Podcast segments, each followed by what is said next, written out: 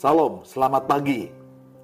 Janganlah engkau lupa memperkatakan kitab Taurat ini, tetapi renungkanlah itu siang dan malam, supaya engkau bertindak hati-hati sesuai dengan segala yang tertulis di dalamnya. Sebab dengan demikian perjalananmu akan berhasil dan engkau akan beruntung. Selamat menikmati hari ini. Mari kita terus mendengarkan firman Tuhan. Shalom, selamat pagi Bapak Ibu Saudara sekalian dikasih Tuhan. Pagi ini renungan yang saya sampaikan datang dan pergi dengan hati kecewa. Markus 10 ayat 17 sampai 22. Pada waktu Yesus berangkat untuk meneruskan perjalanannya, datanglah seorang berlari-lari mendapatkan dia sambil bertelut di hadapannya. Ia bertanya, "Guru yang baik, apa yang harus kuperbuat untuk memperoleh hidup yang kekal. Jawab Yesus, "Mengapa kau katakan aku baik? Tak seorang pun yang baik selain daripada Allah saja. Engkau tentu mengetahui segala perintah Allah. Jangan membunuh, jangan berzina, jangan mencuri, jangan mengucapkan saksi dusta, jangan mengurangi hak orang, hormati ayahmu dan ibumu." Lalu kata orang itu kepadanya, "Guru, semuanya itu telah kuturuti sejak masa mudaku." Tetapi Yesus memandang dia dan menaruh kasih kepadanya, lalu berkata kepadanya, "Hanya satu lagi kekuranganmu. Pergilah, jualah apa yang kau miliki, dan berikanlah itu kepada orang-orang miskin, maka engkau akan beroleh harta di sorga. Kemudian datanglah kemari dan ikutlah aku." Mendengar perkataan itu, ia menjadi kecewa, lalu pergi dengan sedih sebab banyak hartanya. Setiap orang dan anak-anak Tuhan pasti pernah mengalami kecewa. Kita kecewa dengan orang tua, kecewa dengan guru, kecewa dengan pacar atau pasangan kita, kita kecewa dengan istri, kita kecewa dengan suami, kita kecewa dengan anak-anak, kita kecewa dengan tetangga, dan teman sahabat kita. Inilah suatu bentuk kekecewaan terhadap manusia ada seorang yang sudah lama tidak pernah pergi ke gereja, lalu ditanya mengapa tidak ke gereja lagi. Lalu jawab orang itu, saya kecewa. Kecewa dengan siapa? Orang ini menjawab, saya kecewa dengan Tuhan. Berhakkah manusia diciptakan Tuhan kecewa kepada Tuhan? Berhakkah kita mengatakan, aku kecewa Tuhan, aku kecewa terhadap Tuhan? Umumnya orang kecewa dan putus asa datang kepada Tuhan dan kemudian masalahnya dibereskan oleh Tuhan.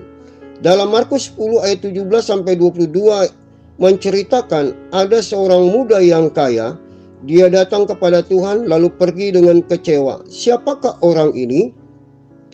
Dalam kitab Markus 19:20 menjelaskan orang ini adalah seorang pemuda kalau di dalam Lukas pasal 18 ayat 23 menjelaskan ia sangat kaya. Ia berpendidikan, ia punya kedudukan di mahkamah agama. Siapa yang tidak ingin seperti orang muda ini? Bagi wanita, siapa yang tidak ingin punya pacar atau teman hidup seperti orang muda ini? Siapa yang tidak ingin punya anak seperti orang muda ini? Bagaimana dengan orang tua si orang muda ini? Mereka senang, mereka bangga sekali karena orang muda ini menghormati mereka. Apakah kita seperti orang muda ini menjadi anak yang menghormati orang tua? Akan tetapi sangat disayangkan sekali semua yang ada pada orang muda ini tidak memuaskan dirinya. Banyak sekali sisi positif pada orang muda ini. Hanya satu hal yang kurang yaitu orang muda ini kecewa kepada Tuhan karena mau mengikuti Yesus harus menjual semua hartanya. Hal positif dalam diri orang muda ini adalah keinginannya. Kalau kita lihat Markus 10:17 tadi menjelaskan anak muda yang kaya ini berlari-lari mendapatkan Yesus. Kenapa dia berlari-lari menuju kepada Yesus? Karena anak muda ini yang kaya ini memerlukan keselamatan. Harta yang dia miliki tidak menjamin dia selamat. Hanya melalui Yesus ada keselamatan yang kekal. Yang kedua hal positifnya adalah kerendahan hati. Selain dia berlari-lari kepada Yesus, orang muda yang kaya ini berlutut di hadapan Tuhan. Hal ini menunjukkan kerendahan hati si anak muda yang kaya ini. Kebanyakan orang yang hidupnya sudah penuh dengan kelimpah kekayaan, sulit untuk berlutut, sulit untuk merendahkan hati. Hal yang ketiga dari positif anak muda yang kaya ini adalah keberaniannya. Meskipun anak muda yang kaya ini mempunyai kedudukan tinggi di dalam masyarakat, dengan berani ia berbicara kepada Yesus di depan umum, tidak berbicara empat mata.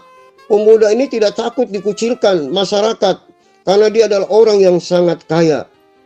Hal negatif dari pemuda kaya ini selain tadi hal yang positif, hal negatifnya adalah dia kecewa. Pemuda ini bertanya kepada Tuhan, apa yang harus kuperbuat untuk memperoleh hidup yang kekal? Jawab Yesus, jualah apa yang kau miliki, berikan itu kepada orang miskin, maka engkau akan beroleh harta di sorga. Mendengar perkataan itu, ia menjadi kecewa lalu pergi dengan sedih sebab banyak hartanya. Pemuda ini mengira dengan perbuatan baik ia bisa membeli tiket ke sorga. Untuk masuk ke sorga tidak bisa mengandalkan perbuatan baik hanya anugerah Allah melalui iman kita yang percaya kepada Dia dalam penebusan Kristus di kayu salib. Pemuda ini berharap bisa merangkul dunia sekaligus bisa merangkul surga. Ini tidak bisa terjadi, saudara.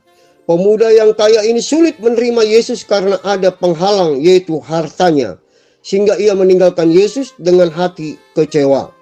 Bapak, ibu, saudara sekalian, biar renungan pagi ini kita mau saudara, waktu kita datang kepada Yesus dengan kecewa, kita pulang dengan sukacita karena mendapatkan harta di sorga, yaitu hidup yang kekal.